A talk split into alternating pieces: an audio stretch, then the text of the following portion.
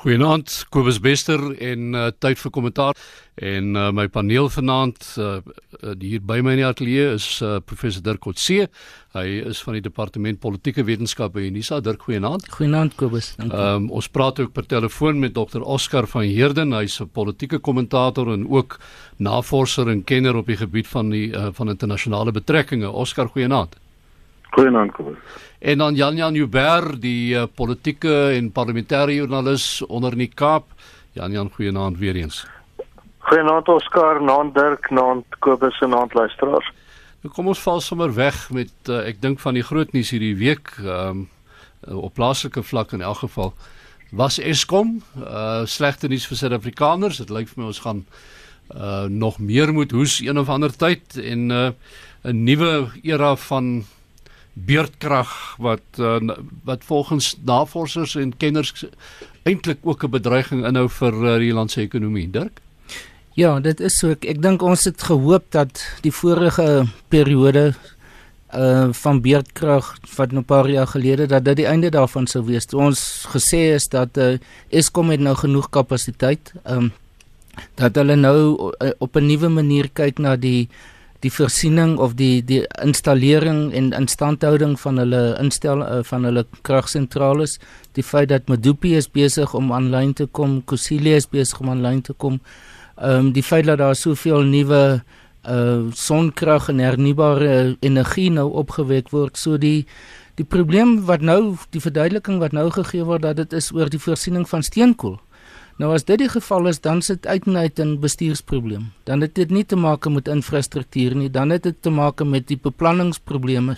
Ehm um, en sowel as en dit is waarskynlik die punt wat ons nie weet nie tot watter mate is daar nog transaksies wat plaasvind met uh, met steenkoolmyne wat nog oorblyfsels is van die Tageta era van Gupta, die van die Gupta era, ja. era um, en tot watter mate hierdie maatskappye in 'n sekere sin in geweer teen die kop van van Eskom sit.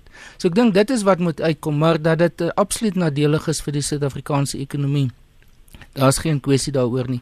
Byvoorbeeld nou ek dink hier in die loop van die week is een van die groot inkopiesentrums in in Pretoria moes heeltemal gesluit word hmm. omdat daar nie elektrisiteit was nie. So ons dit, het verlede uh, naweek natuurlik verlede Sondag met hierdie program met ons ook gepraat oor die feit dat uh juist daardie twee kragsentrale wat jy genoem het met Dupi en Kusile wat die die groot antwoord sou wees op die tekorte ehm um, het nou addisionele probleme en daar's blykbaar ontwerpfoute wat na bewering ingesluip het.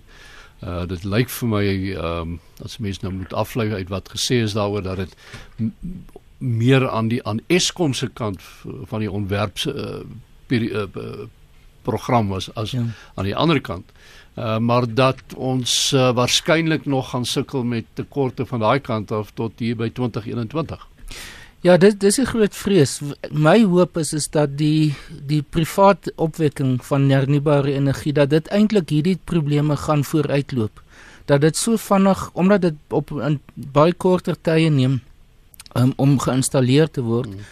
dat dit uh, dit in 'n sekere sin uiteindelik minder kapitaal verg dat daar minder instandhouding te sprake is dat dit uiteindelik op die lang duur waarskynlik die beter opsie vir ons gewees boonbehalwe nog die probleem van steenkool in die algemeen vanuit 'n klimaatsveranderings uh, oogpunt wat as 'n mens reg dan of as 'n mens daarna kyk is dit eintlik nie meer 'n langtermyn moontlikheid nie. Die daar's soveel druk wat wêreldwyd opbou, daar's juis nou weer een van hierdie kop by inkomste wat plaasvind. Ehm um, wat um, net meer druk op Suid-Afrika gaan plaas om om dit uit te faseer. Maar Oscar, uh, ten spyte van hierdie probleme, uh, as ons nou gaan kyk na wat die afgelope maande gebeur het, uh die Dirk het nou verwys na die moontlikheid of jy weet of toenemende privaat opwekking van krag Ehm uh, die vakbonde wil dit nie hê nie. Ons ja. het uh, baie ernstige uh, teenkanting van hulle kant af. Uh, so dit lyk vir my uh, jy weet aan die een kant het ons nou ten hoë koste hierdie IP die wat sê international power producer uh, liggaam uh, ontwikkel en en hierdie mense gaan nou wil begin krag opwek maar dit gaan nou in die wiele gery kan word heel moontlik deur vakbond optrede. Oskar Ja, Kobus, ek kyk dis baie teleurstellend wat gebeur by Eskom en ek stem saam met Dirk, daar's groot probleme. Ehm um, ek dink dis dis dis kommerwekkend dat eh uh, dat ons het nou 'n nuwe raad. Ehm um, en tog het ons nou dieselfde probleme. Ons het gedink ons is dit is dit is in die verlede. Ehm um, ek dink dit is 'n goeie ding vir vir vir die president nie, uh, Ramaphosa nie. Ehm um, wanneer hy het uh, jy weet hy het beloof 'n nuwe raad en 'n nuwe leierskap. Uh, hierdie probleme gaan nie herhaal word nie en nou sit ons in die donker. Soos ek van met jou praat, sit ek self in die donker. Ek kry hoop. Ehm um, maar om met, op op die punt van die vakbonde, ek wil tog sê, jy weet die vakbonde moet moet moet begin saamspeel. Uh, hulle kan nie net dink dat dit hulle kan nie net uh hulle werkers verteenwoordig nie. Dis dieselfde probleem wat ons mense sit by SAL, Suid-Afrikaanse Lugdiens. Ons weet vir 'n feit dat 3 tot 5000 werkers, dis 3 tot 5000 families, maar dit beteken nie dat ons elke jaar biljoene rande moet inbetaal net om om om om die lughawe uit te bou en om daai mense in werk te hou. Ek dink Kosato en en en ons en nou en almal van hulle moet ook nou met na die tafel toe kom en sê ons is nie net ons is deel van die probleem nie, ons wil graag ook die probleem oplos. En dit is selfs met Eskom. Hulle moet begin sê, ja, ons weet daar's werkers uh uh se lewe wat uh, betrekke is hierso, maar hoe gaan ons die probleem oplos? En as dit beteken dat ons oor 'n lang termyn, kom ons sê oor 'n 5 tot 10 jaar periode sê ons gaan nou die lughawe opbreek, gaan begin afbetaal, um, daar in in die, in die geval van Eskom, daar is soos jy sê die private uh uh verskaffers en so voort, daar daar moet 'n plan wees. Ons kan nie net sê vakbonde kan nie net sê ons uh, wil jy daar moet werk verloor word nie. Werkers moet in hulle plek bly want dis deel van die probleem. Ons het 'n groot uh, uh, uitgawe in terme van finansies wat dit werkers bekos en so voort. Um, en ek stem saam met Dirk. Ja daar's infrastruktuur daar's beplanning en dis meer maar al wat ek sê uh, Kobus is die vakbonde moet ook na die tafel kom. En uh, en sommer gou ook want ek uh, die syfers wat ons hierdie week gesien het is dat uh Eskom skuld in hierdie stadium 419 miljard rand en uh, sy inkomste is toenemend aan die afneem na mate mense ook begin om uh, alternatiewe kragbronne uh, te soek en na sonkrag uh, tot op die punt waar daar nou gedreig word dat mense wat sonpanele installeer moet nou belasting betaal daarop sodat Eskom geld kan kry. Nou uh, ek meen waar die logika daarin lê weet ek nie mooi nie. Maar Jan Jan, ekskuus Oskar. Daar's daar talle mense ek jy en ander sou dit kan bekostig wat probeer sê kom ons gaan nou na die alternatiewe uh uh verskaffers toe en so voort omrede om het, om om eintlik vir Eskom 'n bietjie van 'n breek te gee en te sê gee dit vir die mense wat dit meer be, benodig hmm. en tog wil hulle nou vir ons straf. Ja. Sê nee, as jy nou gas vat of as jy nou sonskyn en dis meer, dan moet jy meer belasting betaal. Jy nou ek stem saam met jou, dis dit maak net nie dit maak dit nie sin nie. Jan Jan aan die politieke front uh en aan die or die organisasie waar ons nou vanaand hier sit um is nou ook in die nuus. En uh, dit nou minister Ndabeni Abrams die nuwe minister van kommunikasie um en uh, wat nou in 'n stryd gewikkeld is met die SAIK se raad dit gaan oor afdankings wat sy nie wil sien nie. Um maar ek kry die gevoel dat ek meen as ek die grondwet reg lees en so aan, is hy nie besig om op 'n vlak in te meng by die SAIK wat uh, eintlik ongrondwettig is nie. Wel skakel na sekere sin met wat Oscar nou gesê het oor Eskom en dit is dat jy 'n groter mate van kreatiewe denke verwag van as ek kan sê dan die regerende drievoudige alliansie want um, soos Oscar daar gepraat het nou oor Kosato en hulle gebrekkige uitleef van hulle rol so kan jy dieselfde sê van die regering in die geval van die SAIK wat jy nodig het aan die kant van sowel Eskom as die SAIK is dat diegene wat nou voor in dag kom met hierdie behoud van werkgeleenthede tot elke prys en ek bedoel tot elke prys. Um waarvoor ons as belastingbetalers moet betaal. Dan um wonder 'n mens waar is die kreatiewe denke? Waar is die vermoë en ek wonder of Dirk en Oscar dalk menings het daaroor aan die linkerkant van die spektrum waar Kosato vir baie jare seker die beste navorsingsvermoë gehad het om jy weet kreatiewe oplossings tot probleme te te, te vind wat gegrond is op op korrekte feite en korrekte syfers eerder as 'n nee, julle sal nie mense afdank nie, nee, julle sal um, tot alle koste betaal en bly subsidieer. Die vraag is, minister Nabedi Abrams volgens die berigte in City Press en rapport vandag, die ehm um, gaan daar soos 'n ridder op 'n wit perd na die SAIK toe en maak sekerlik baie van die mense baie bly, ehm um, wat wat geld verdien daar en mense mense sal dankbaar wees as diegene wat ons ken wat daarvan afhanklik is, jy weet, um, steeds daardie inkomste kan hê.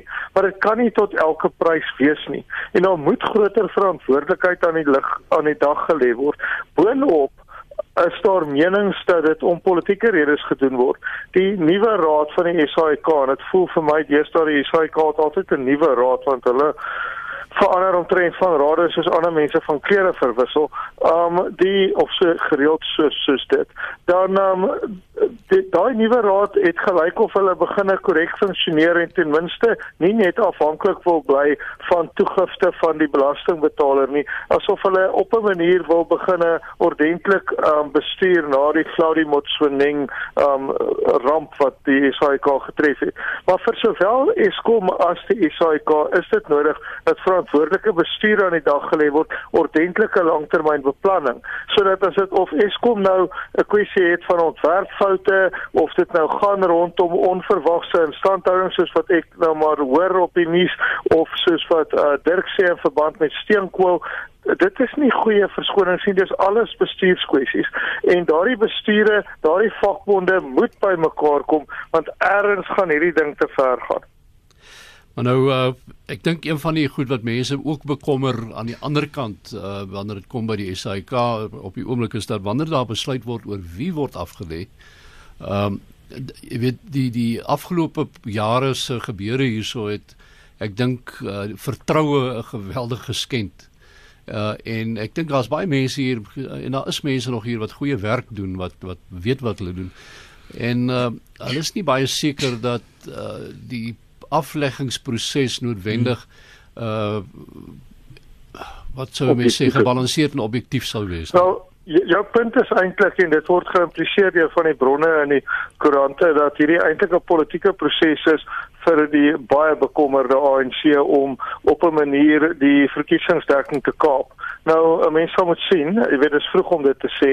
Uh en natuurlik het almal altyd hulle kommer en mense se opinie oor wie goeie werk doen en wie nie is dit vol subjektief. Dit gaan ook interessant wees om te kyk in watter mate um radiostasies, televisiestasies ensovoorts gekoppel gaan word aan die inkomste wat hulle inbring. Wel wetend dat geen inkomste ooit um gewaarborg kan word nie en dat as die SAIK die ganse wat die goue eiers lê, daardie stasies wat wel kommersieel suksesvol is en wat advertensies trek ensovoort, gaan um laat kort kom, dan gaan hulle hulle eie keel afsny.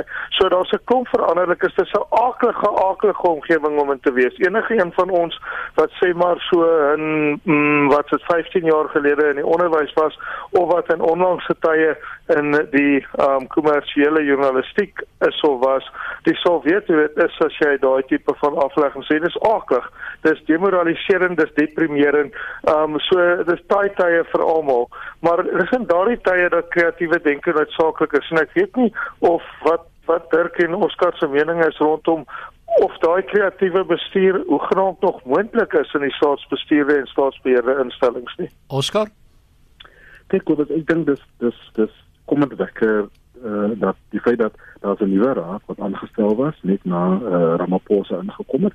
Um, ons is almal onder die indruk dat die raad was natuurlik nog gesê wat moet gedoen word en hulle moet die regte ding doen en so aan en dit sou kom ek dink ek sê maar net uh, dis hoe kom hulle nou gekom het in die mening dat jy weet daar's te veel mense wat wat werk by die SAIK en dan moet afgelê word en so aan. Ehm um, 'n tipe van 'n change management proses. Ehm um, sodat ons nou 'n bietjie kan sien waar ons uh, sekere uh, uitgawes kan kan spaar. Sê en wat my bekommerd is die feit dat daar nou 'n nuwe minister aangestel en sy kom in en is nou asof sy 'n verskillende plan het. Uh dat ek jy weet die indruk wat geskep word is sy is nou gekant in die nuwe raad, die nuwe die nuwe raad is, is besig om iets te doen wat hulle nie moet doen nie en so aan en en dis dis vir my net 'n bietjie verwarrend. Ehm um, ek sien heeltemal seker in terme van Jan Jan se punt in terme van uh, jy weet die ANC se politieke agenda nie. Wat ek tog dink is dat dit kom weer eens terug na die die die, die storie van leierskap. Ehm um, die nuwe minister is maar nou kort lank in haar posisie. Ek sien heeltemal seker wat aan haar kop aangaan nie. Ehm um, en tog wil ek sê dat ek ek is onder die mening dat die nuwe raad weet hoekom hulle sekere voorstelle gemaak het en wat die die die rigting is vorentoe. Tog moet ek tog sê die nuwe raad wat aangestel is by Israel en ander plekke en en, en dan is ons nog steeds in dieselfde predikament en dieselfde probleem. So jy weet vir my wat teleurstellend is is jy jy stel mense aan jy gee vir hulle 'n mandaat om te sê kyk daar's 'n probleem met finansies, so kan nie so aangaan nie. En hulle sit hulle koppe binnekaar, hulle kom in 'n plan en dan kom 'n nuwe minister en die minister nee, daar's 'n probleem hierso ons kan nie dit doen nie, ons kan nie dat doen nie. Ehm um, so vir my is dit net 'n storie van leierskap en dit is eintlik die groot probleem soos jy self aangesê uh, het. Eh uh, Claudius soos ons weet, dit was sy leierskap en al die verkeerde besluite wat hy geneem het uh, met sy sy span uh, wat die FAK ook verder in in in en die probleme gesit het. So jy weet ek weet nou nie meer wat die storie vorentoe nie. Ehm um, vir my is dit net jy weet dit dit dit is soos ek die vorige punt die dominee die dominee effek is dat uh, ons weet ons het 'n swak ekonomie. Daar's geen uh, uh, rentekoers groei nie. Ehm um, minder werkgeleenthede en dis hoekom die vakbonde voel hulle moet natuurlik nou hulle hulle werkers beskerm. Ek dink tog waar ek uh, vir Janian waar ek van met Janian wil saamstem. Ek sien seker of daar aan die agenda maar dink tog om mense en werkers af te lê net voor 'n uh, verkiesing. Ek dink dit is wat die die ANC miskien 'n bietjie bekommerd oor is. Ehm um, want daar's natuurlik nou 'n hele groep mense wat gaan sê daar's 'n probleem soos hy self gesê het ons is nou sonder werk, hoekom moet ons vir die ANC stem? En daar's anders wat gaan kyk en sê, "O, dit wat hulle kan doen daar, beteken dit hulle kan dit hier ook doen met ons." So ons kan eintlik nou nie die ANC vertrou nie. En ek dink dis eintlik wat hulle wil beskerm. Dirk Ja, ek dink daar's hele paar goed hier te sprake. Die een is die verhouding tussen 'n draad en 'n minister. Ek dink een wat ons hier sien is is dat dis 'n nuwe minister, maar sy was lank adjunkt minister, so sy dis sy's nie heeltemal nie in hierdie pos nie. Maar sy wil haar stempel afdruk op hierdie situasie. Terwyl aan die ander kant is die draad ehm um, wil sê wel ons is onafhanklik. Ons geloofwaardigheid gegee die geskiedenis van ander rade, moet ons probeer om ons om ons stempel af te druk op hierdie. So dit begin 'n magstryd word tussen die twee en ek dink dit dit gaan 'n interessante vraag uiteindelik ter sprake bring is wie is werklik uiteindelik het die finale sê? Wie kan die finale besluit hier oorneem?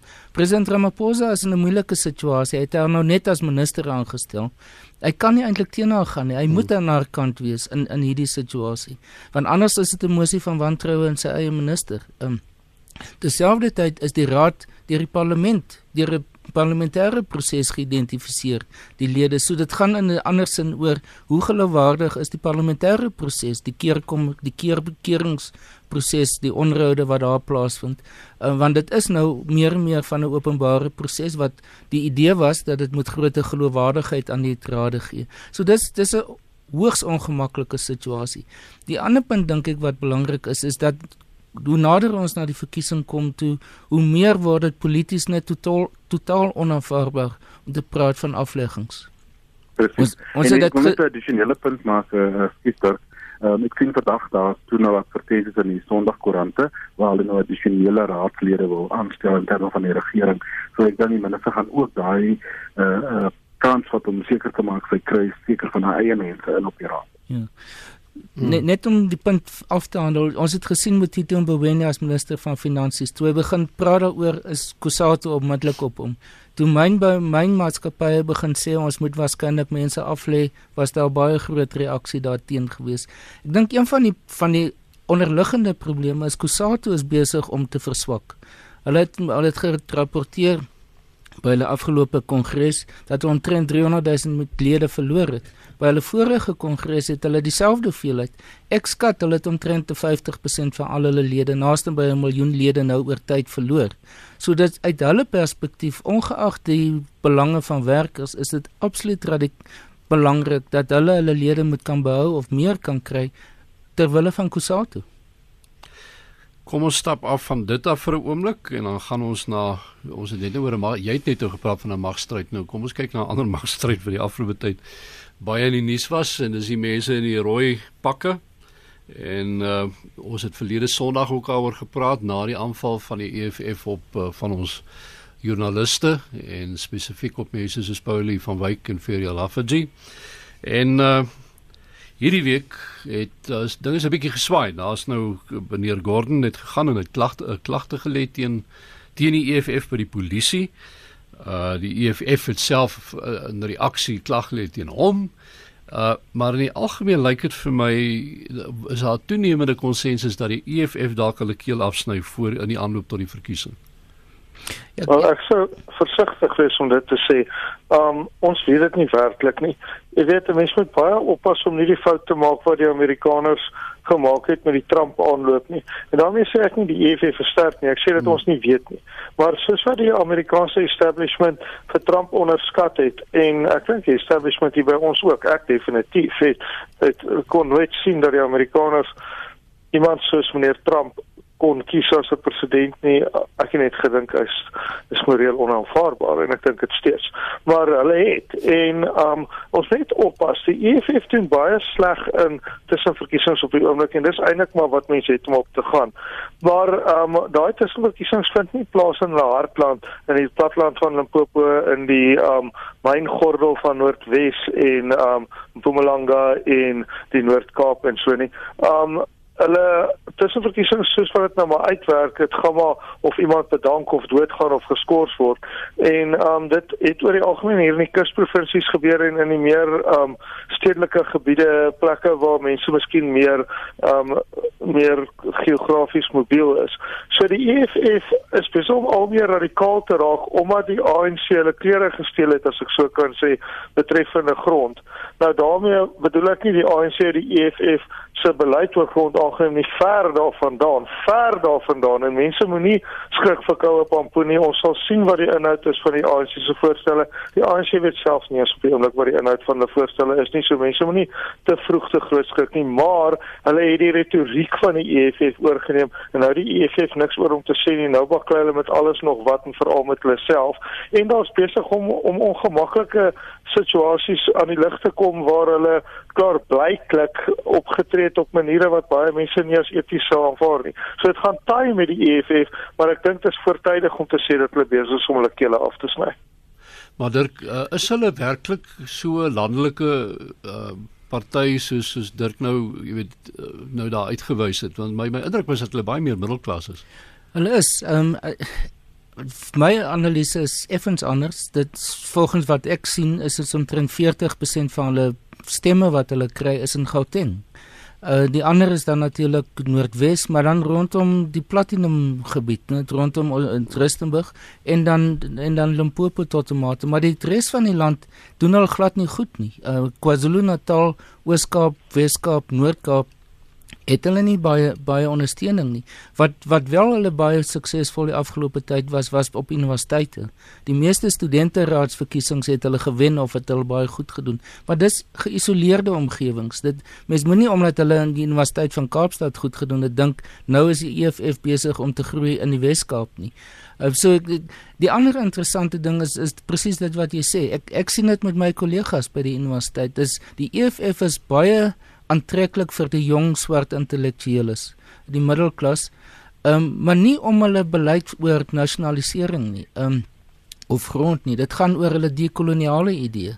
En dit skep dit hmm. dit maak dit baie aantreklik vir hulle want dit is dit gee net dit skep 'n nuwe filosofiese raamwerk waarbinne baie mense kan werk. En en ek dink as gevolg daarvan skep dit 'n teenstrydigheid van aan die een kant het hulle partypolities praat hulle van hulle self as 'n marxisties-leninistiese party in hul verkiesingsmanifeste. Maar as dit kom by die ondersteuningsbasis, is dit in 'n groot mate is dit middelklas. En ek dink dis die groot kopseer vir hulle. Die die ander kopseer is dit wat Azapo byvoorbeeld vroeër jare altyd beleef het. Hulle het presies dieselfde tipe van van ideologie gehad, maar hulle het nooit 'n werkersgroepering gehad, 'n vakbondgroepering wat daarbey kon aanhak hmm. dat hulle kon sê maar hier sien julle hier's die mense vir wie ons werk nie. En ek dink dit gaan vorentoe die die groot kopseer vir die EFF wees. Die ander kopseer dink ek is die feit dat hulle so oorwegend ondersteuning uit jong mense van jong mense kry. Ons weet jong mense is aktief maar hulle gaan nie soveel stem nie. Die stempersentasie van jong mense is baie minder sê maar van 50 jariges en ouer. So daar's eintlik 'n glasplafon wat bestaan wat daarop neerkom dat die EFF eintlik in 'n groot mate onderverteenwoordig is in die parlement in vergelyking met die werklike steun wat hulle op die grond het. Oscar? Ja. Ja, Kobus, ek wil net twee dinge sê. Die een, die eerste ding is ek hoor wat Jan Jan sê, maar tog wil ek sê dat jy weet die die manier hoe Julius Malema en en en sy trawante lesself geposisie het, is die feit dat die EFF staan vir die waarheid. Hulle doen opregte politiek. Ehm um, hulle is hier om vir Zuma uit te uit te te te te, te steek en so aan. En tog nou, ek weet nie wat sy Afrikaanse gesê het nie, maar jy weet in Engels is dit chicken are coming home to roost. Hmm. Uh, wat en wat ek wil sê met dit is dat ons sien nou self VBS individuele wat wat snaakse dinge doen en waar hulle geld kry as 'n politieke party en so voort. Ek dink tog die rede hoekom hulle vir Pravin Gordhan aangevat het en so en is omdat hulle is bang vir die waarheid. Hulle is bang dat sekere dinge gaan uitkom. Ehm um, jy weet ongelukkig kan mense nie die toekoms sien. Ehm um, as o as as as baie nice en as baie reg om te en en dit was natuurlik die regte ding om te doen om vir oud president Zuma uit te uit te, te noem en so aan te sê jy weet korrupsie en die en dat.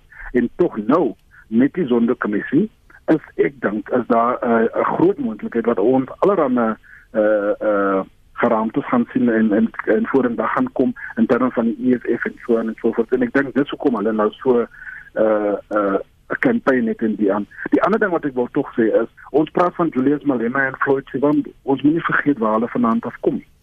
Ehm um, mm hulle was deel van korrupsie. Hulle was deel van allerlei uh, onderhandse uh uh, ooreenkomste en dis meer en so aan en hulle en hulle en ons weet vir 'n feit hulle hulle hou van die die die goeie dinge in die lewe.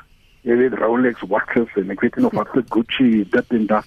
Ehm um, so vir my is dit is glad nie uh, jy weet dit is nie iets nie. Die, die feit dat mense dink uh, daar's 'n politieke plooi of 'n ding. Nee, ek dink die, honderde is besig om uit te kom en hulle weet dat hulle hulle het 'n paar foute gemaak en ek dink tog dit gaan dit gaan ehm uh, um, vir hulle uh kos uh, in die in die in die in die verkiesing. Ek dink hulle gaan meer as 2% kry nie. Ehm um, ja, ek, ek ek hoor wat Dirk sê, dis waar in terme van die universiteite en so voort, daar is baie ondersteuning en nee, maar ons moet tog nog ook weet dat soos hy self sê, daai die jong mense stem nie, hulle kom nie uit nie, hulle registreer nie en so aan. So ek sien heeltemal seker dat dit 'n goeie indikasie is van van uh jy weet groot support op die grond nie. Ehm um, ek dink die EFF is is in die moeilikheid. Jan Jan uh, daar was 'n opskudding daar by die parlement ook hierdie week by julle en uh, dit gaan nou oor wat ons noem dit nou maar die steenhuis in geval. Mm. Ehm mm. um, en 'n uh, hele bohaai oor of die man 'n graad het of nie um, of of die feit dat hy nie 'n graad het nie. Is dit belangrik? Nee, beslis nie 'n graad nie. Maar is dit belangrik? Ek dink nie ek dink dit is baie goeie ding om 'n graad te hê, maar ek dink baie Suid-Afrikaners sit in 'n situasie waar dit nie altyd vir hulle moontlik was om 'n graad te kry nie. Ehm um, in 'n Stenexens geval, ek ken hom baie jare, het hy nie die geleentheid gehad nie. Ehm um, nie almal het dieselfde maklike omstandighede om in groot te word nie en party mense kry nie heeltemal die geleenthede nie en party mense se prioriteite is dalk anderster. In sy geval het hy baie hard gewerk om te kom waar hy is die groter kwessie gaan nie daaroor of hy 'n graad het of dit goed of sleg is nie. Ek meen hy's 'n deksel se goeie hoofsweep. Ek dink nie daar's enige meningsverskil daaroor nie. Um en hy werk baie hard en ek dink die feit dat hy 'n graad het nie is een van die redes hoekom hy eintlik 'n goeie hoofsweep is omdat hy so bereid is om te leer. Jy weet, um hy berei regtig goed voor. Hy ken die reëls van die parlement soos ek nog nie gesien het iemand dit ken nie. Um met die moontlike uitsondering van Toko Didiza, die huidige voorsitter van die nasionale vergadering wat ook rarig waar haar reëls goed ken. Maar ehm um, die punt hier is dit gaan eintlik glad nie daaroor nie. Da, dit gaan oor 'n stryd binne die DA en dis 'n magstryd. En dit is 'n stryd tussen diegene wat in hierdie stadium aan die bokant van die DA staan en hulle is oor die algemeen wit en Engels en nou kom dit af of of dit kom nie aan die lig nie. Ons het dit altyd geweet. Maar daar's 'n klop van hulle wat eintlik nie baie goeie akademiese agtergrond het nie. Steenhuisen is een, Affeltrollop is nog een, daar's daar's 'n hele spul van hulle. En um diegene wat in die DA is wat nie die mag noodwendig het nie, is dikwels baie beter akademies gekwalifiseer. Ek praat nou hierso van die volgende vlak van leierskap, byvoorbeeld binne in die ANC caucus. Ek meen die swart lede van die ANC caucus is oor die algemeen uitstekend gekwalifiseer. Nou, ehm um, wat nou gebeur het is hierdie hele ding Mense maak die fout om te dink dit is 'n stryery tussen die EFF en die DA. Dit is nie. Dis net 'n weerlige afleier hierdie stryery tussen daai twee partye. Die stryd is binne in KwaZulu-Natal se DA. En dis 'n stryd wat ons al 'n lang, lang, lang pad sien kom. Wat gebeur het was daar was 'n groepering mense waarvan meneer Steenhuisen een is wat aan die wat in beheer was van die DA in KwaZulu-Natal. En die KwaZulu-Natal se DA se dis 'n groot organisasie. En dit is 'n dis 'n provinsie met 'n hengse klomp kiesers en baie van hulle veral in die wit en indeer gemeenskap en onthou die indeer gemeenskap is amper twee keer so groot soos die wit gemeenskap in KwaZulu-Natal. Um die stem vir die DA op die oomblik. En toe het daar met tyd 'n verandering gekom in die lidmaatskap van die Weskaap van die ekskuus van die KwaZulu-Natal se DA en um die mense wat oorgeneem het daar is mense wat akademies beter gekwalifiseer is en ons baie meer van 'n gediversifiseerde leierskap met swart leierskap, indeer leierskap, ook jong wit leierskap wat deurkom en dit het tot 'n verskriklike nare bakkeierery gelei en toe op hulle vorige kongres in Richards Bay het die groepering wat altyd die minderheid was, die groepering waarna meneer Steenhuisen nie behoort nie, het toe oorgeneem en ek dink daai groepering soek nou 'n uh, aanvaarbare rede om meneer Steenhuisen en sy trawante uit te skop uit die um uit die parlement uit en hulle eie mense in te sit. Waarop dit afspeel is 'n probleem wat die DA baie wyd het en ons gaan miskien nou-nou by mevrou Patricia de Lille se party uitkom maar is dieselfde tipe probleem en dit is dat die DA klaar blyklik nie konflik kan bestuur nie. Nie met homself nie nie met die EFF nie nie binne koalisies nie nie in Port Elizabeth nie maar veral dan nou in hierdie geval nie binne sy eie caucus nie En totdat die DA nie leer om beter met homself oor die weg te kom en met ander partye oor die weg te kom nie, gaan hy die kreefte gaan gaan want 'n party wat mense bymekaar bring groei en 'n party wat mense uitmekaar dryf groei nie. Dis so eenvoudig soos dit dink ek. Nou ja. Ehm um, ek dink kom ons gaan ons dit af daar los want ek, hmm. uh, ek ons het so 'n paar ander goed dat ons moet deurwerk vanaand. En net, uh, net tyd aan ons in ons omgewing. Mm -hmm. Ja, net een ding, ek wil net graag ek weet ek hoor wat wat Jan Jan sê, maar tog ons ons moet tog die punt maak dat die DA vir vir jare ehm um, het altyd aangedring uh, dat sekere mense in die regering en die parlement en ander universiteite en so voort die die nodige kwalifikasies moet hê. En hulle ons weet van talle hofsaake waar mense hof toe gevat was en gesê hulle is nie ge, uh, ordentlik gekwalifiseer nie en dis nie en natuurlik het die hof uh, in, in som uh, uh, sake gesê ja en anders het nie maar ek wil tog sê jy weet reëls is reëls en vir my is ons jy weet self ons het 'n groot uh, groot saak gemaak oor oor die leier van die EFF en 'n paar van sy uh, leierskap wat wat universiteit toe gegaan het en graad gevang het en so aan. Want ons wil tog hê ons wil daar was altyd gesê ons soek mense in parlement en in politieke partye wat die nodige kwalifikasies het en so aan. En ek dink net die enigste punt wat ek wil maak is ek hoor wat Jan Jan sê, maar tog dat ons nou nie uh, toelaat dat daar verskillende reëls is vir verskillende mense nie. Ehm um, jy weet ek ek ek weet hmm. ek ek ek, ek is seker Steenhuisen is 'n goeie uh uh, uh parlement uh, jy weet 'n goeie leier, maar die feit van die saak is dat daar word aangedring dat anders moet die nodige kwalifikasies het om in om sekere leierskapposisies te te te hou en ek sien nie hoekom die reëls verskillend is vir vir steenheid nie. Nou ek seker ons gaan nog baie oor hierdie geval praat want die ding bou nog lyk dit vir my. Maar kom ja, ons praat in verstande wil ek daarom sê dat um dat 'n mens met jou altyd hou soos Oscar nou gesê het aan die reëls. En daar is geen reël wat bepaal dat 'n uh, parlement sit of 'n hoofsweep 'n spesifieke kwalifikasie hoef te hê nie. Goed. Um jy jy het net verwys na Patricia de Lille en ons gaan inderdaad gou oor oor haar praat want sy het nou 'n good guy geword as ek nou dit mag sê. Praat ja. Ja, ek wonder. ja, dis 'n interessante naam. Vir mense wat nou wonder daaroor, sy het nou vandag aangekondig haar party se naam is Good. Weet nie wie se bad en nie ugly in die hele storie nie, maar ons weet nou wie se good. En dis die naam van die party wat nou daar gaan wees. Ek sien hulle klere is dieselfde as die ODS en sover ek kon sien word so oranje, wit en klein bietjie swart in. So um, ons sal sien hoe vaar hulle, maar nou ja, the good guys apparently.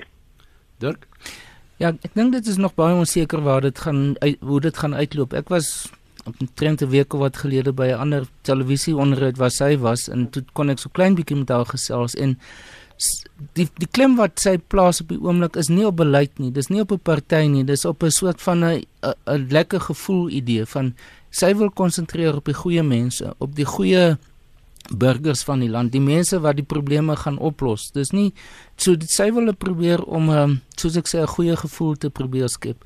Ek dink dit gaan jou nie ver nie bring nie. Ehm um, sy een van die probleme en dit het sy baie spesifiek aangespreek is dis deur te sê dis nie 'n breinparty nie, nee.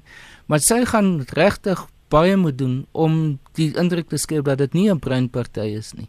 Ehm um, as jy mens kyk na die en dat dit nie 'n Wes-Kaapse party en miskien tot 'n mate 'n Noord-Kaapse party is nie. Sy sê sy wil 'n nasionale party wees, maar al die politiek, al die oppositiepartye is in 'n groot mate gekonsentreer in een of twee of maksimum 3 provinsies. En ek dink die ander probleem vir haar is is dat die sy het in feite weggebreek uit die DA uit. As 'n mens dit vergelyk met die EFF of met Cope, hulle het daar 6-7% gekry maar uit 'n totaal van hoog in die 60%. Dit die pool was rondom nou is die pool rondom 22, 23, 24%. Nou dit lyk vir my 6 uit 60 beteken omtrent 'n 10% wat jy wat 'n wegbreek party kan kry. Beteken dit dis 10% van 22 is tussen 2 en 3%. Dit gaan hulle nog steeds in 'n goeie posisie plaas. Um want dit sal beteken dat hulle naaste by gelyk met die IFP sal wees terwyl die oorgrootste partye minder as 1% het maar ek dink nie dis die alternatief vir die DA wat sy eintlik wil voorstel wat sy gaan wees nie Nou ja, ons gaan volgende Sondag sekerlik weer hieroor praat. Ek wil afstap want uh, Oscar, ons moet by nog 'n ding uitkom in die tyd haal ons drasties in nou. G20, ehm um, uh, twee goed wat vir my geïnteresseer het die ontmoeting tussen uh, meneer Trump en uh, die en meneer Xi van van van China en dan ook natuurlik die feit dat uh, Cyril Ramaphosa daar was en ook half so as segsman vir Afrika opgetree het uh, toe hy met die media gepraat het daar. Ja, nee, definitief. En ek dink wel, jy weet net net voor dit was baie baie geklemd. Ek dink uh, Dirk is totaal korrek in terme van die uh politieke verkleermannetjie uh, Patricia de Lille. Ek dink dit gaan 'n Weskaapse party wees en ek dink baie baie mense gaan vir haar stem. Ehm um, ek dink hulle is hulle is skillful met die ANC en die DA. Ehm um, en ek dink sy gaan miskien 'n bietjie van 'n probleem word in daai in daai deel van die wêreld ehm um, kom 2019. Ja, die, die G20 ja, kyk ehm um, Cyril het maar gedoen wat wat alle voormalige presidente gedoen het. Jy weet en dit is om die nodige vergaderings te hê van met Trump soos hy sê en natuurlik van Xi Jinping. Ehm um, en ek dink hy het probeer om die die die, die speletjie te speel dat kyk ek sê eintlik nou nie totaal met die Amerikaners nie maar terselfdertyd is ek totaal in die verre ooste nie. Ehm um, uh, want ek het julle albei nodig. Ek dink dis die eerste punt. Ehm um, en ek dink dis dis dis miskien ehm um, daai middel daai middelpad is miskien nie 'n slegte 'n slegte plan nie um, omrede, jy weet ons soek al goue in terme van daai program maar selfs soek ons 'n bietjie geld van die van die Chinese en die en die BRICS bank en so voort. So ek dink daai daai hy, hy trap baie versigtig tussen daai twee. Ehm um, die ander punt is uh rondom die Afrika agenda. Jy weet onder Zuma ongelukkig ehm um, het die die die die kontinent bietjie ehm um, nie ons volle uh soort van attention gehad nie. Uh jy weet ons het ons het 'n paar missies gehad in terme van peacekeeping en so voort, maar nie baie nie. En ek dink tog dat uh vir op probeer om 'n boodskap te stuur om te sê, jy weet nou dat ons op die Verenigde State se diskretheid uh uh komitee is uh vir die volgende 2 jaar, ons wil graag weer eens daai leier van die van die van die kontinent wees. Ons wil graag praat vir die die die sake van Afrika. Ehm um, ek sien altemal seker op Afrika dit gaan ehm um, jy weet of hulle gaan saamstem met dit nie, maar ja, dit is maar 'n moeilike 'n moeilike saak. Nou ja, ek is bevrees die tyd het ons ingehaal. Dankie Oscar vir daardie laaste bydrae. En uh ek is seker daar gaan nog ander geleenthede wees om oor 'n paar van hierdie kwessies te praat in die toekoms. Maar uh, ons deelnemers vanaand uh, op die paneel was Dr. Oscar van Heerden, hy's politieke kommentator, navorser, kenner op die gebied van internasionale betrekkinge Uh professor Dirk Kotse, departement politieke wetenskappe by Unisa, ou bekende op die program. Jan Jan Joubert, eweneens 'n uh, ou bekende en uh, die onafhanklike joernalis van politieke en parlementêre joernalis daar onder in die Kaap. Ek sê vir julle al drie baie dankie vir julle deelname vanaand en uh, my naam is Kobus Bester. Ons groet tot volgende Sondag 8:00.